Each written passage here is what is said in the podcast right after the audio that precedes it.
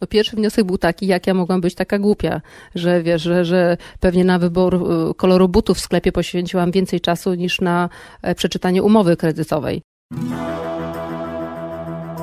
Jak odnaleźć się w finansach? Jak sprawić, by pieniądze służyły realizacji naszych celów życiowych? Na te oraz inne pytania odpowiadają goście podcastu Po ludzku o pieniądzach, którego partnerem jest Generali Investment TFISA i który mam zaszczyt prowadzić.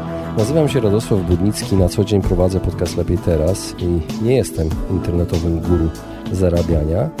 Rozmawiam tylko po ludzku o pieniądzach z ekspertami, którzy zrozumiałym językiem tłumaczą zawiłości finansów i to, jak sprawić, by pieniądze nam służyły, a nie nami rządziły. Serdecznie zapraszam.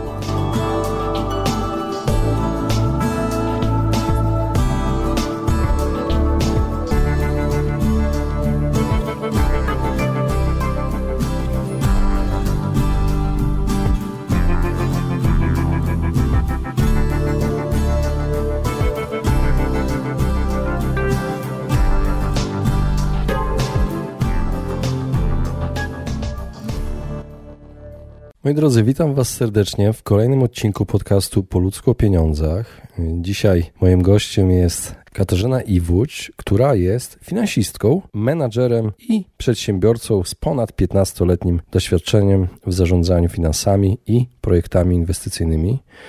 Jako członek zarządu odpowiadała za finanse spółek giełdowych, takich jak Mennica Polska, Netia. Pracowała w radach nadzorczych firm Netia, GetEntra, Mennica Metale Szlachetne. Katarzyna Iwódź prowadziła też projekty audytorskie jako menadżer w PWC i jako partner w BDO. W 2018 roku zostawiła korporację, by zająć się popularyzowaniem wiedzy na temat finansów. Finansów osobistych, dołączając do zespołu rozwijającego blog Finanse Bardzo Osobiste, które prowadzi jej mąż Marcin Iwódź. Kasia jest też doktorem ekonomii i biegłym rewidentem. I ten niezwykle interesujący gość opowie nam dzisiaj, jak wygląda jej podejście do pieniędzy w związku małżeńskim każdego dnia. Także, moi drodzy, serdecznie Was zapraszam do wysłuchania mojej rozmowy z Katarzyną Iwódź.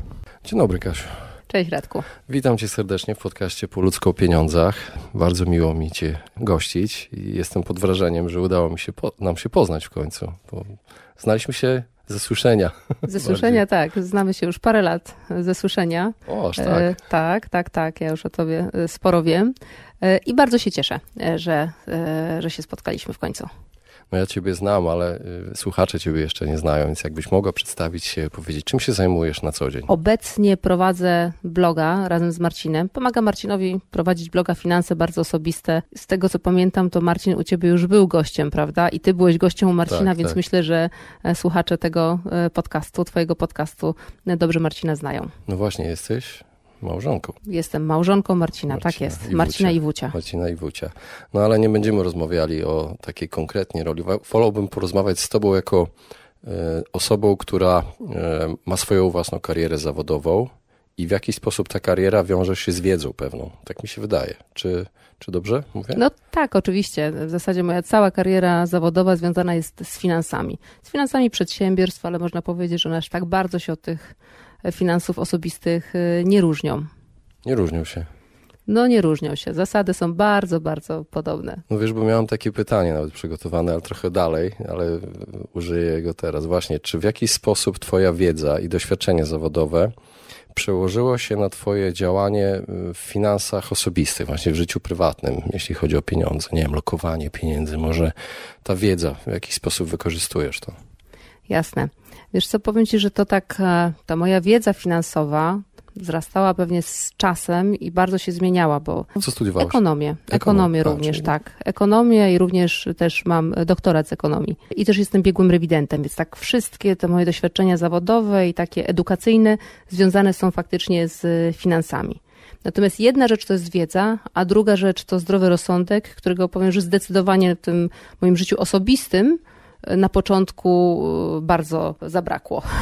No tak, młodość, prawda? Każdy, każdy to przeżył.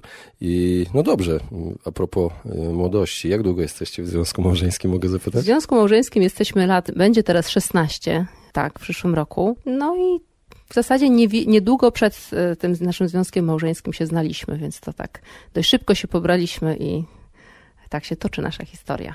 No, miałem okazję poznać Twoją rodzinę, jestem pod wrażeniem naprawdę. Wspaniałe córki. Byłem gościem, to jest dla mnie zaszczyt w Twoim domu. Bardzo się cieszę, tak? Co prawda, ale w końcu się poznaliśmy. E, moi drodzy słuchacze, dopiero teraz poznaliśmy się tak naprawdę osobiście. To jest niesamowite. E, no dobrze, mam pytanie, czy kilkanaście lat temu wydaje ci się, że jak e, zanim jeszcze zdecydowałaś się wejść w związek małżeński, miałaś inne podejście do pieniędzy? Wiesz co, zdecydowanie tak, zdecydowanie. Jak to wyglądało? Wówczas długów unikałam. Coś tam mi się odkładało na boku, ale zupełnie nie znałam się na inwestowaniu. Pewnie byłam zbyt ufna do różnego typu, w stosunku do różnego typu jakichś produktów e, finansowych. E, ufałam, że osoba, która jest po drugiej stronie mówi bardzo mądrym językiem, to na pewno jest chce dobrze fachowiec, chce dobrze dla mnie, a nie, a nie wyłącznie e, realizuje jakiś tam cel swój sprzedażowy. Więc absolutnie, no to moja wiedza, powiedziała nawet kończąc jak kończyłam studia z ekonomii, wydawałoby się, że tacy ludzie, prawda, sporo nas jest po studiach ekonomicznych, że my dużo wiemy o finansach, to bardzo ważny jest ten zdrowy rozsądek, o którym będę chyba cały czas mówiła. E, no i chyba to, prawda? I tego, tego na pewno zabrakło u mnie. To ciekawy wątek poruszyłaś, którego nie przewidziałam właśnie. To, że jesteś po studiach ekonomicznych i, i to, że masz studia e, z danej dziedziny nie znaczy, że musisz być praktyce osobą, która stosuje różnego rodzaju jakieś tam prawdy. Dokładnie tak. E, triki. Że Dokładnie tak. Myślę, że... myślę, że butów, tak? Tak, myślę, że tak naprawdę gdybyś zapytał wiele osób, z, z, które ukończyło studia ekonomiczne i pokrewne, to to znalazłbyś naprawdę sporo osób właśnie, które były w różnej, w trudnej również sytuacji e, finansowej, niekoniecznie sobie bardzo dobrze radzą z finansami. Tak, Bo to wiesz, wychodząc z tego założenia, to każda osoba, która pracuje w banku, czy czy, czy w jakiejś instytucji finansowej, to powinna być osoba, która naprawdę, której finanse osobiste są naprawdę e, na dobrym poziomie, prawda? A chyba tak nie jest, jak sami wiemy. No lekarze też palą papierosy. Chociaż. Dokładnie, dokładnie. tak to jest. E, no dobrze, a jak to się zaczęło zmieniać? Kiedy to się zaczęło? Kiedy poczułaś, że coś jest nie tak z tym moim podejściem do pieniędzy? Już to, tak, przeprowadziliśmy się z Marcinem do Warszawy. Mieliśmy tutaj dobrą pracę, nie żadne tam, powiedzmy sobie, bardzo wysokie stanowiska, ale jakieś tam byliśmy jakąś średnią klasą menedżerską, której tutaj w Warszawie jest e, bardzo, bardzo e, dużo. Pojawiła się zdolność kredytowa nagle. Okazało się, że ktoś nam chce udzielić kredytu. No, wydawało się to wspaniałą w ogóle opcją, prawda? Trudno było się to po, po te pieniądze nie schylić. Wykorzystywaliśmy sobie limity w kartach kredytowych, co mieliśmy, się dało generalnie. Co się dało, tak. Kto dał. Co się dało, dokładnie, więc chyba rozsądku zabrakło po dwóch stronach i po naszej stronie i po stronie e, instytucji e, finansowych, bo w pewnym momencie mieliśmy dwa miliony ponad kredytów na nieruchomości. A to były te czasy, co dawali kredyt na puls? Sam, bez, bez No właśnie, pytanie jak nam dali, tak, a ja, a ja no nie byłam na tyle rozsądna, żeby chociaż e, w ogóle się zastanowić, jak ja to spłacę w takiej sytuacji, jak na przykład utrata pracy, e, co by się stało, jeżeli, jeżeli e, czy ja, czy Marcin byśmy zachorowali, tak, co by się stało, jeżeli mielibyśmy na przykład kolejne dziecko i musiałabym na jakiś czas rezygnować z pracy, prawda, jakoś w ogóle tych wariantów pesymistycznych albo nawet realistycznych, tak, ale niekoniecznie takich pozytywnych dla twoich finansów w ogóle nie braliśmy pod uwagę, no i tym sposobem właśnie nagle mieliśmy mieliśmy jakieś 2 miliony kredytu i nadszedł rok 2008. Kryzys. Kryzys. E, okazało się, że nieruchomości, na które wzięliśmy kredyt, wcale aż tak szybko ich cena nie rośnie, prawda, bo to przecież miało być mm, zysk w zasadzie bez boom, prawda, zysk praktycznie bez ryzyka. Pieniądze z banków, po które trudno było się w ogóle nie schylić. Okazało się, że te nieruchomości wcale nie rosną. W Marcina pracy, Marcin zresztą mówił o tym w takim jednym swoim podcaście, pięć największych błędów finansowych, które chyba w życiu popełniłem. U Marcina w pracy sytuacja była taka, że nie wiadomo było, czy, czy wszyscy zachowają pracę. No i to był taki moment przebudzenia.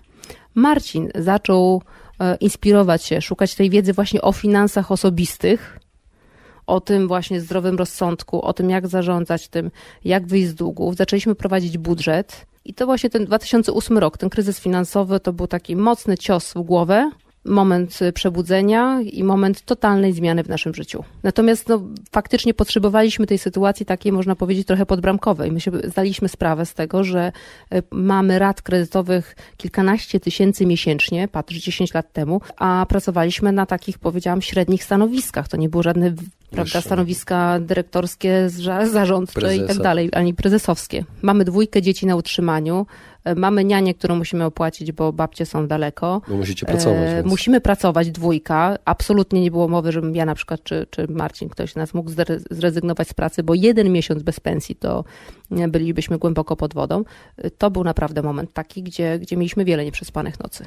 No pierwszy wniosek taki, który ci się nasuwał na co musimy poprawić? No pierwszy wniosek był taki, jak ja mogłam być taka głupia, że wiesz, że, że pewnie na wybór y, koloru butów w sklepie poświęciłam więcej czasu niż na e, przeczytanie umowy kredytowej, czy wybór jakiejś polisy inwestycyjnej, jakiejś polisy lokaty, prawda? No to był pierwszy taki moment, jak ja mogłam być taka głupia. Czyli tak. więcej czasu trzeba poświęcać. Jeżeli teraz słuchacze nas słuchają i zastanawiają się, jaką lekcję wyciągnąć e, z tego doświadczenia, to pierwsza rzecz, że więcej czasu poświęcić. No, bezwzględnie po to, żeby wyjść z tych problemów, to zaczęłam też zarabiać dodatkowo, prowadząc szkolenia z finansów przedsiębiorstw, ze sprawozdawczości finansowej i tak dalej. Jako jeden z przykładów podawałam siebie, prawda, że nie jestem osobą, która lubi jakieś wybitne ryzyko, ale zdecydowałam się na podpisanie kredytu we frankach, prawda, czyli jestem super narażona przez najbliższe 30 lat na ryzyko e, tego, jak się, prawda, zachowa kurs walutowy. No to to jest taki dla mnie przykład. Ja, ja sama stanowiłam dla siebie najlepszy przykład tego, jakie niefajne decyzje można podjąć e, w życiu. Aż korci mnie, żeby zapytać, czy wyszliście jakoś z tego? No absolutnie, słuchaj, zawzięliśmy się bardzo, zawzięliśmy się bardzo, zaczęliśmy prowadzić budżet, to jest niesamowicie fajna e, sprawa. Oczywiście na początku tego budżetu ja nienawidziłam, to ja mówię teraz po wielu latach, że to jest fajna rzecz. Na początku Marcin mnie przez kilka lat do tego budżetu przekonywał, ale to, co mnie przekonywało, to to, że te słupki długów prawda, takie, tam są fajne raporty, ja akurat lubię cyfry, więc dla mnie są mega fajne. E, one były coraz niższe, prawda? Ten dług widziałam jak z miesiąca na miesiąc maleje, maleje, maleje i to było bardzo dla mnie e, motywujące, bardzo mnie to motywowało. E, a druga rzecz to, że ta wartość netto tak powoli rosła, rosła, rosła. I ja się po prostu, wiesz, jako kobieta, jako matka dwójki dzieci, ja się po prostu czułam bezpieczniej. Z każdym miesiącem zyskiwałam taką pewność, że będzie dobrze, tak? Że, że, będzie, że jest lepiej. Poczucie bezpieczeństwa. Zdecydowanie tak. Poczucie bezpieczeństwa. Dla mnie, ja nie lubię zbyt dużego ryzyka, to było bardzo ważne. Dobrze, powiedziałaś o budżecie. Bardzo ważna część, bardzo ważna lekcja. Jak prowadzić y, budżet w małżeństwie? No właśnie. Jak to wygląda w praktyce? Spotykacie się nieraz w tygodniu, codziennie zapisujecie, macie jakoś wspólny arkusz Excela. Jak to wygląda? Słuchaj, na początku y, nie było łatwo. Ja byłam zawzięta na pewno, jeżeli chodzi o to, żeby zarabiać więcej, prawda? Bardzo dużo y, czasu temu poświęciłam i z każdą wyobrażałam sobie właśnie, na przykład prowadząc jakieś szkolenie w weekend, to wyobrażałam sobie, jaką część podłogi mojego mieszkania będę w stanie za to spłacić, tak? Jaki to będzie skraweczek, prawda? I wychodziło, że całkiem niewielki. Taka wizualizacja, kredyt, tak, tak, świetne. Tak, tak, tak, bo, bo ten kredyt był jednak e, ogromny. Mogłaś kredą jeszcze. Natomiast no, tak nie robiłam, tak nie robiłam, ale tak patrzyłam sobie czasem, wiesz, wieczorem już siedząc po tym szkoleniu e, na kanapie i, i wyobrażałam sobie, jaka to jest część, prawda? Jaką część teraz będziemy mogli, fragmencik malutki ten podłogi e, teraz spłacić. Tak Mój jest ten kawałek. Mój jest, dokładnie tak, super to, e, super to powiedziałeś. Natomiast budżet przez kilka pierwszych lat był dla mnie taką męką. Wiesz, przychodziłam z pracy, ciągle miałam te Excele w, w pracy, no bo pracowałam w finansach jednak. I nagle w domu tu Marcin, prawda, wieczorem gdzieś mnie tam zagania, spiszmy wydatki, coś tam, coś tam, tak? Jak często to było? No, no często, wiesz, żeby prowadzić budżet, bo jeżeli nie robisz tego na bieżąco, to zapominasz. Możesz czas. budżet prowadzić, e, na przykład sobie to zrobić raz w miesiącu, ale to by wymagało tego, żebym chodziła z jakimś kalendarzem czy z jakąś aplikacją, prawda, i na bieżąco zapisywało, na co wydaje pieniądze. Więc albo prowadzisz to na bieżąco, zbierasz jakieś paragony, mm, albo gdzieś to musisz notować. Albo Więc... płacisz tylko kartą, to widzisz wyciągu po prostu. Dokładnie, albo płacisz tylko kartą i, i widzisz wyciągi. Ale z czasem, tak jak powiedziałam, to mnie zaczęło coraz bardziej przekonywać, a po pierwsze po prostu widziałam efekty tego działania. Ostatecznie teraz jest tak, że to ja raczej częściej e, uzupełniam właśnie aplikację budżetową i to ja Marcina pytam, e, co ty tam i na co e, wydałeś. Polega to na tym przede wszystkim, żeby na początku miesiąca się zastanowić, na co chcesz wydać pieniądze, prawda? Bo budżet to nie jest tylko takie narzędzie wsteczne, patrzenie takie wsteczne lusterko, prawda? Na co ja wydałem, Chociaż to też już jest dużo, bo to pomaga też sobie uświadomić, że są takie wydatki, które tak naprawdę pewnie aż tyle przyjemności ci nie sprawiły, nie były aż takie niezbędne i można było je uniknąć, więc ta refleksja też jest ważna, ale taka największa siła tego budżetu to jest to, że sobie na początku miesiąca po prostu planujesz, mówisz na co ja te pieniądze e, przeznaczę. No i sprawdzasz potem. I oczywiście. Czy oczywiście, czy się tego trzymałaś, oczywiście, tak. Czy wiesz, ile możesz, tak dokładnie, ile możesz na to przeznaczyć, ile nie. Super sprawą też jest ustawienie, jeżeli chcesz faktycznie, prawda, ten swoją jakąś bezpieczeństwo finansowe, prawda, tą wolność swoją finansową budować, to jest ustawienie jakichś takich automatów, to też stosujemy. To nie tylko my sobie zapisujemy w budżecie, co chcemy, prawda, na jakie inwestycje chcemy przeznaczyć pieniądze, na jakie oszczędności chcemy przeznaczyć pieniądze, ale od razu to automatyzujemy. Po prostu mamy ustawione przelewy i tego pierwszego dnia miesiąca nam wschodzą z konta na przykład wpłaty na IKE, wpłaty na jakieś na obligacje skarbowe i tak dalej, tak? Więc to też jest fajne.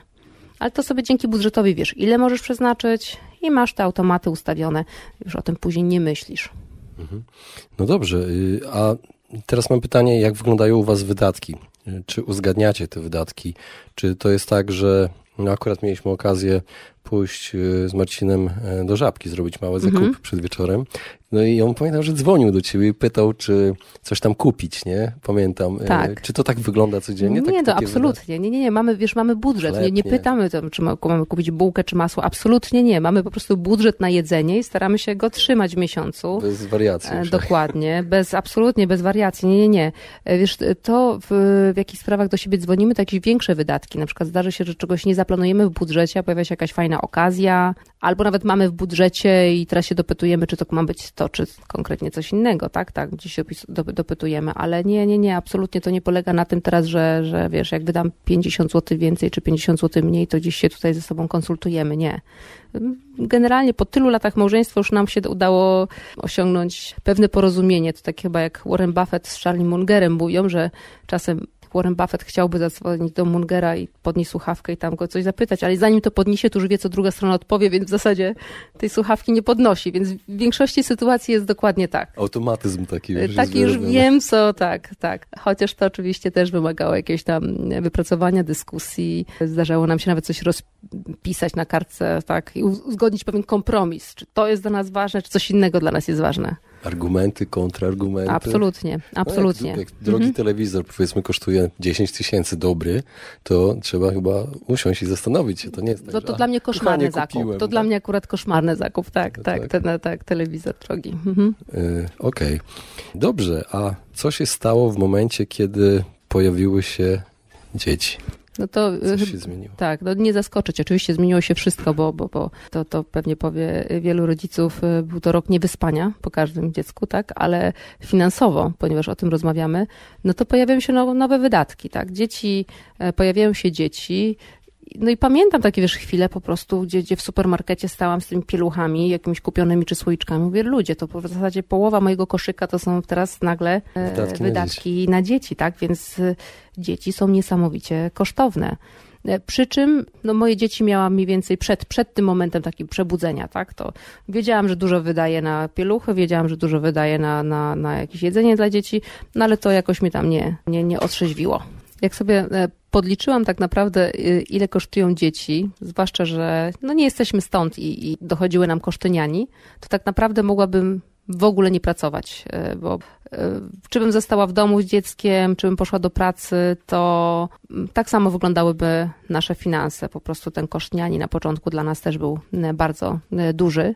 No jeszcze koszty dojazdów do pracy, trzeba było kupić jakąś kartę i tak dalej. Natomiast z perspektywy czasu oceniam tę decyzję jako bardzo dobrą, że poszłam do pracy, bo ta pensja nie pozostała na moja na tak niskim poziomie, jak z którego tam zaczynałam, prawda? I z każdym rokiem jednak jakaś tam nadwyżka nad, nad tą decyzją w postaci pozostania w domu była. A włączacie w jakiś sposób e, dzieci w te rozmowy e, o wydatkach albo w ogóle o tym, jak należy dbać o, o pieniądze Tak, jak najbardziej. Wiesz, nie, nie dzielimy się z dziećmi naszą sytuacją finansową, nie pokazujemy, jak inwestujemy, bo na to przyjdzie czas, chociaż do tego ich zachęcamy. Wiesz, na przykład mówimy dzieciom, słuchaj, może zamiast kupić jakiś tam nowy telefon y, Apple'a, na to oszczędzać, to może zaoszczędzisz na akcję Apple'a, tak? I z tego by byłoby trochę więcej pieniędzy. Na razie jeszcze nie są przekonane, ale y, jak najbardziej zachęcamy je y, do tego, żeby, wiesz co, zależy mi na tym, że moje dzieci to nie były taki po prostu konsumenci, prawda? Bo może się w tym zagubić, ciągle kupować i więcej, i więcej, i więcej, tak? I tutaj jak widzimy takie jakieś tam postawy u naszych dzieciaków, y, to na ten temat rozmawiamy i staramy się zachęcać do oszczędzania. Myślę, że ten temat unikania długów to już mamy gdzieś tam załatwiony, to wiedzą, że, że, że to jest bardzo, y, że długi są bardzo kosztowne.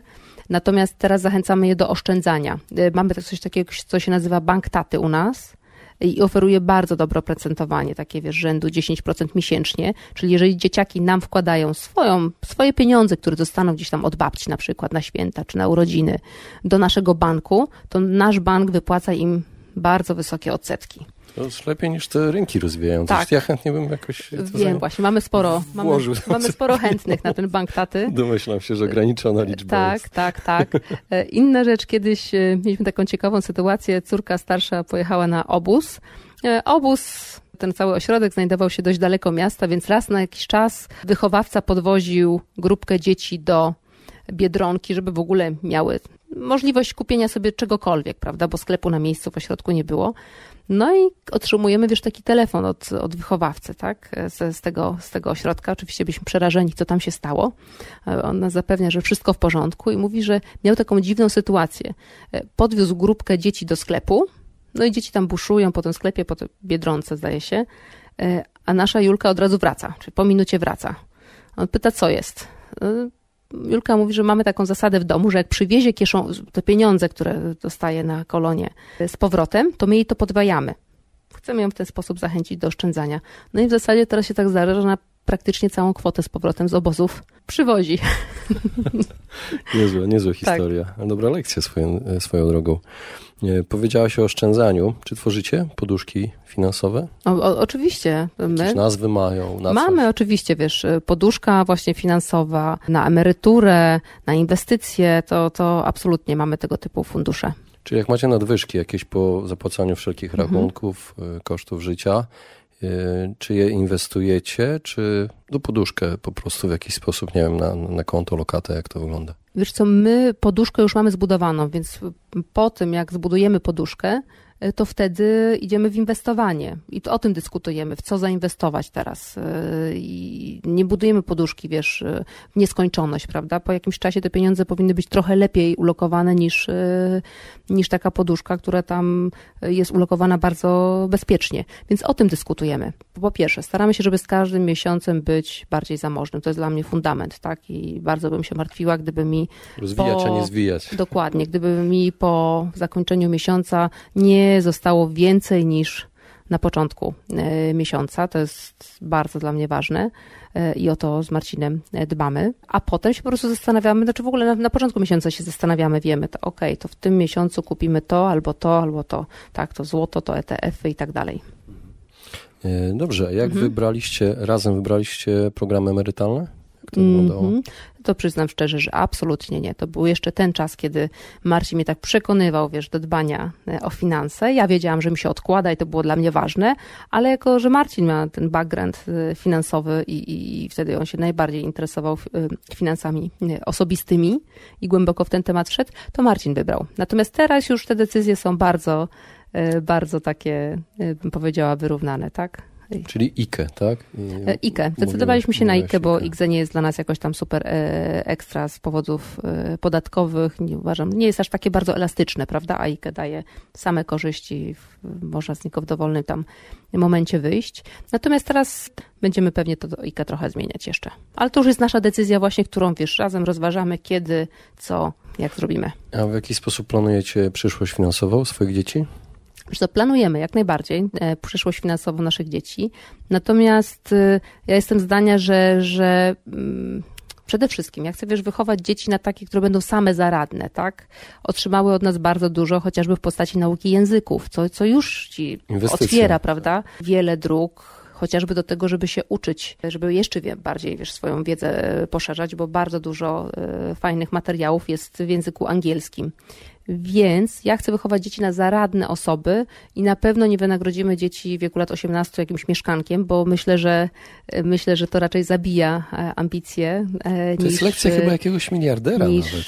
Tak? E, nie wiem, czy mhm. nie Gates czy Buffett powiedział, że on nie da spadku swoim, swoim dzieciom, że będą musiały same zarabiać? On dokładnie powiedział, że da im tyle, żeby mogły robić dowolną rzecz, którą chcą robić, ale nie tyle, żeby mogły nic nie robić. Tak dokładnie powiedział, tak? To chyba ta lekcja. Więc, więc, więc nie myślimy o tym, że musimy koniecznie dzieciom kupić jakieś mieszkania, tak? Chcemy je wychować naprawdę na takie osoby, które będą zaradne i same sobie w życiu poradzą, po prostu, bez, bez naszej pomocy.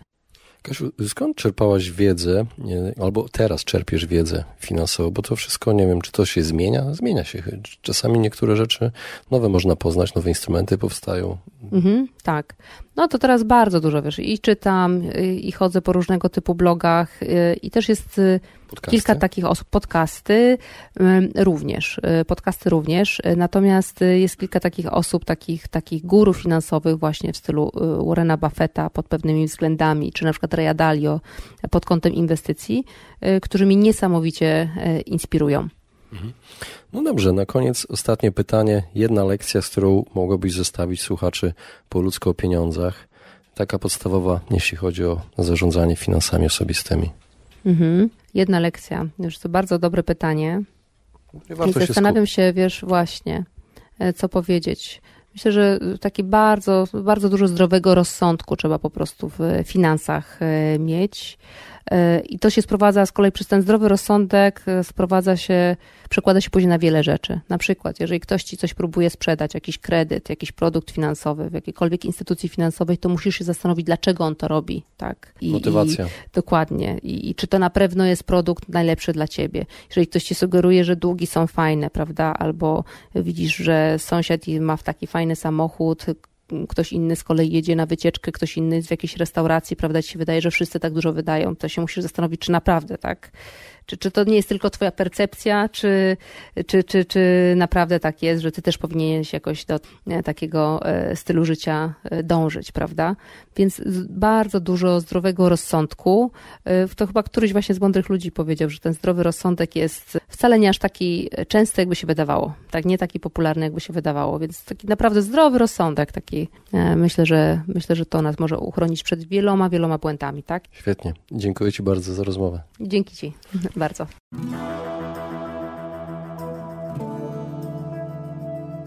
Właśnie wysłuchaliście podcastu Po ludzku o pieniądzach. Mam nadzieję, że Wam się podobała rozmowa. Jeżeli Wam się podobała, poświęćcie swój czas, proszę, by pozostawić swoją recenzję na iTunes. Jeżeli macie pytania lub e, propozycje dotyczące kolejnych audycji, piszcie do mnie na fanpage'u Po ludzku o pieniądzach i do usłyszenia następnym razem.